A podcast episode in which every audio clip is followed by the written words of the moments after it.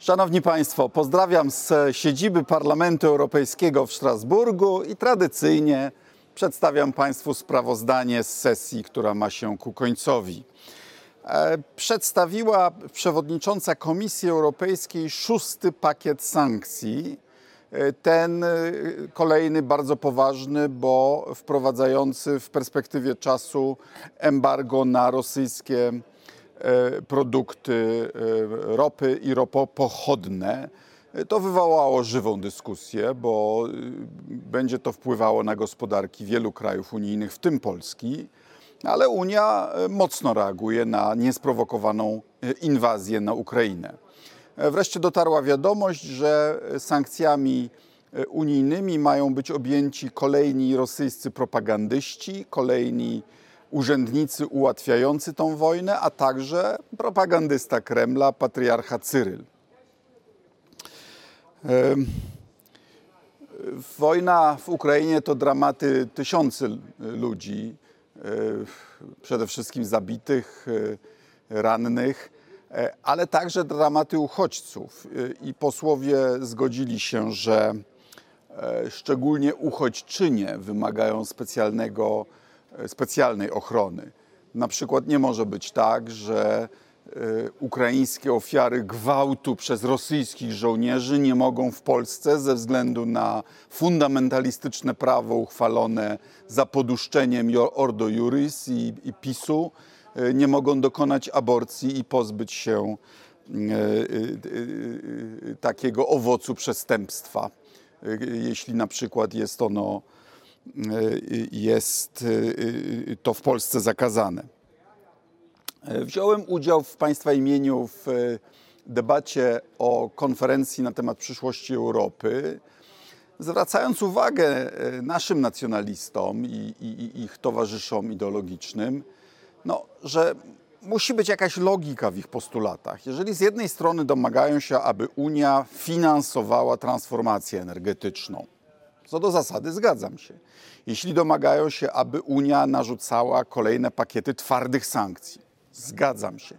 Jeśli Unia e, ma dać odpór e, Putinowi, czasami nawet prawa strona mówi, że powinno to być w formie zdolności obronnych, to jak można jednocześnie mówić, że Unia ma być tylko strefą wolnego handlu? Albo że Unia ma być tylko Europą ojczyzn? Oczywiście jest, ale w sensie instytucjonalnym, jak rozumiem, chodzi o, o, o czysto E, międzyrządową metodę. Profesor Legutko nawet proponuje likwidację Parlamentu Europejskiego.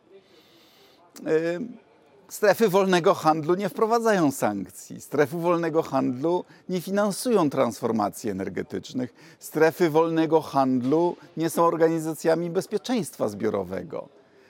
Panowie nacjonaliści, trzeba się na coś zgodzić. Jeżeli chcecie, żeby Unia wykonywała więcej zadań, no to, to musi mieć dodatkowe zdolności do ich wykonywania. Jeśli ma dać większe bezpieczeństwo, no, to musimy częściej działać wspólnie, a nie się samoizolować i, i, i wszystko wetować. Na coś naprawdę się trzeba zgodzić, bo inaczej to wygląda jak intelektualny miszmasz. Zresztą w ogóle w debacie E, zauważam bardzo e, dziwną manierę naszych e, posłów i posłanek z partii rządzącej. Wydaje mi się, że nie do końca sobie zdają sprawę z tego, że to, co spotyka się z poklaskiem na spotkaniu koła PiSu czy w telewizji upartyjnionnej w Polsce, przetłumaczone na angielski i użyte tutaj, spotyka się z kompletnym niezrozumieniem. Jedna z europosłanek na przykład powiedziała, no, że Niemka śmie krytykować Polskę. Akurat była minister sprawiedliwości Niemiec. Znaczy, inni europosłowie nie przyjmują takiego argumentu z genów. To znaczy, że jak ktoś jest, ma, ma niewłaściwą narodowość, to już nie może mieć z definicji racji. Znaczy, Wszyscy wiemy, co Niemcy robili w czasie II wojny światowej, ale to było 75 lat temu. I Niemcy są naszym partnerem i sojusznikiem. I ten argument raczej odstręcza i raczej powoduje tak, taki odruch odrzucenia niż kogokolwiek przekonuje. Tak samo, e, gdy e, koledzy czy koleżanki z PiSu mówią, że są dumnymi Polakami i wobec tego nie wolno ich krytykować. Francuzi też są dumni ze swojego kraju. Włosi też. Hiszpanie też. Ale, ale to nie oznacza, że są ponad krytyką, czy że nie muszą wykonywać dobrowolnie przyjętych traktatów. No to po prostu kompletna bzdura. Albo argument, że jak śmie Zachód krytykować y, polski rząd, skoro Polacy y, przyjęli 3 miliony uchodźców z Ukrainy. Co ma piernik do wiatraka? Znaczy, wszyscy zrozumieją, że skoro przy, przyjęliśmy 3 miliony uchodźców, to powinniśmy się domagać e, e, pieniędzy na nasze szkolnictwo, naszą służbę zdrowia, na sprawy socjalne dla uchodźców. To każdy zrozumie, co więcej, wesprze nas. I to nie jest łatwa sprawa, bo, bo trzeba znaleźć e, te pieniądze w, na przykład w niewydanych środkach z funduszy spójnościowych innych krajów. Wykonalne, ale na tym się trzeba skupić, a nie na emocjonalnym szantażu, że nie wolno deform Ziobry krytykować, bo Polacy uchodźców przyjęli. To w ogóle nie jest żaden argument. To jest tak zwany non sequitur, czyli, um, czyli błąd logiczny. E, a błęda, błędy, błędami logicznymi nikogo się tutaj nie przekona. E, przemawiał do nas premier Włoch, Mario Draghi, e, były szef banku centralnego i to Włoch, nie żaden Niemiec.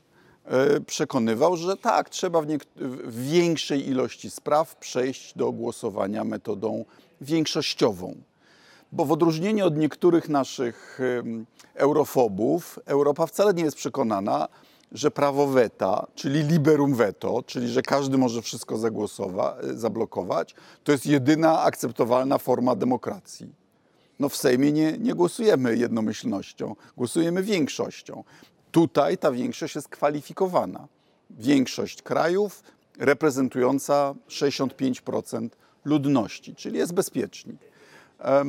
No i rzeczywiście chyba bylibyśmy skuteczniejsi, gdyby kraje członkowskie nie blokowały różnych spraw z zupełnie czasami egzotycznych powodów. Y, y, były przypadki, że Cypr blokował sankcje na Rosję, bo domagał się wsparcia wobec Turcji. Czy wiemy, że Węgry, y, Węgry grożą wetem w sprawach rosyjskich? Weto ma nie tylko Polska, inni też mają weto i to czasami jest dla nas groźne. E, przeszła sprawa i zarówno dokument prawny, jak i rezolucja w sprawie nowej formuły wyborów europejskich. To znaczy, e, nadal Polska miałaby 51 europosłów, tak jak do tej pory. Nie dajcie się Państwo okłamać, e, że Polska straciłaby jakiegokolwiek europosła, ale że korzystając z tej rezerwy, którą mamy po wyjściu Brytyjczyków. 28 europosłów dodatkowych byłoby wybieranych w okręgu, y, którym byłaby cała Unia Europejska. Tutaj najbardziej bali się europosłowie z małych krajów, no bo ich politycy są znani raczej w ich krajach, a nie w całej Europie. I dlatego tam wprowadzono mechanizm, w którym małe kraje też miałyby pewną ilość gwarantowanych szans. E, wydaje mi się, że dobrze by było, żeby istniała niewielka grupa ludzi, która miałaby mandat e, społeczny do mówienia w imieniu całej Europy. Bo wydaje mi się, że ten interes narodowy, bardzo ważny, e, czasami przeważa i i, i, ten interes ogólnoeuropejski, argumenty ogólnoeuropejskie, na przykład wobec Putina, czy wobec Chin, y, czy w różnych sprawach regulacyjnych i tak dalej, on też powinien się przebijać. Y, wydaje mi się, że jedną z przyczyn Brexitu było to, że w, w Wielkiej Brytanii, jestem świadkiem, nikt nie bronił Unii Europejskiej, nie mówił w imieniu europejskim. Gdy, gdy, gdy argumentujemy tylko i wyłącznie na rzecz własnego interesu narodowego, zginąć nam może ten interes, który mamy także jako Europejczycy. E, pomysł byłby taki, że 28 dodatkowych posłów. Kandydować mógł, mógłby każdy od 18 roku życia. Byłyby, byłby parytet płci i wybory odbywałyby się we wszystkich krajach Unii tego samego dnia, 9 maja. U nas raczej mamy tradycję i chyba nawet zapis konstytucyjny, że wybory odbywają się w dniu wolnym od pracy. Więc ja bym to interpretował, to trzeba do, donegocjować, że, że to byłby dzień wolny od pracy, na przykład najbliższy y, dnia Europy, czyli 9 maja. E, opowiedzieliśmy się za e, wspólną ładowarką, tak, do, do prawie wszystkich urządzeń. Standardem stałaby się ładowarka USB-C i bardzo dobrze. Wielu, wielu z Państwa ma ten sam kłopot co ja, to znaczy niekompatybilne ładowarki, śmieci elektroniczne, irytacja, marnowanie pieniędzy i energii. E, przeprowadziliśmy też debatę i przegłosowaliśmy raport na temat sztucznej inteligencji, ale tu nie będę rozwijał wątku, bo w Wolnym Radio Europa, do którego zapraszam, e, jest cała rozmowa z autorką raportu, panią Ewą Mejdel z Bułgarii. No i wreszcie sprawy y, y, dla nas bolesne. Znowu debata na temat praworządności w Polsce. Wojna na Ukrainie, a my zamiast zdobywać pieniądze na uchodźców, zdobywać pieniądze na broń, zdobywać pieniądze na pomoc Ukrainie, musimy się zajmować deformami pana Ziobry. Panie Ziobro, zamiast atakować Donalda Tuska, proszę przestać blokować pieniędzy dla Polski. 770 miliardów jest zamrożonych dla Polski, bo pan się uparł, żeby móc pod but brać polskich sędziów. A proponuje pan tam, tam kreatury, które się do tego zawodu w ogóle nie nadają. Polski obywatel chce mieć niezawisłego sędziego, a nie mianowanego z zasobów PiSu. I to, żeby polscy sędziowie byli zastraszani przez pana, nie jest warte ani 770 miliardów złotych, ani tego miliona euro kar, które płacimy przez pana upór, eurofobię i brak profesjonalizmu. Proszę się zająć interesami polskiej y, y, systemu praworządności, a najlepiej proszę sobie pójść, bo już dość szkody pan w tym rządzie wyrządził. I wreszcie debata i też y, start prac komisji na temat oprogramowania szpiegowskiego Pegasus. Unia tego nie odpuści, bo to nie jest tylko kwestia podsłuchiwania, czy to pani prokurator Wrzosek, czy pana mecenasa Giertycha, czy pana senatora Brejzy, czy szefa Związku e, Pracodawców, e, czy szefa Związku Rolników, czy wreszcie komisarzy europejskich. To jest sprawa także e, podsłuchiwania kilkuset dziennikarzy na Węgrzech. To jest sprawa tego, że te dane nadal są w Izraelu, czyli dzięki tym, którzy to kupili i ładowali, umożliwili obcemu państwu wejście w posiadanie danych wrażliwych polskich obywateli. Karygodna rzecz. A jeśli ktoś podsłuchiwał komisarzy europejskich po to, żeby na przykład zdobyć na nich haki, po to, żeby przestali e, zabiegać o praworządność, to już jest kryminał. I sądzę, że e, e, ani Parlament Europejski, ani europejskie prokuratury tej sprawy tak łatwo nie odpuszczą. Jeszcze raz dziękuję za uwagę. To było sprawozdanie. Do zobaczenia następnym razem.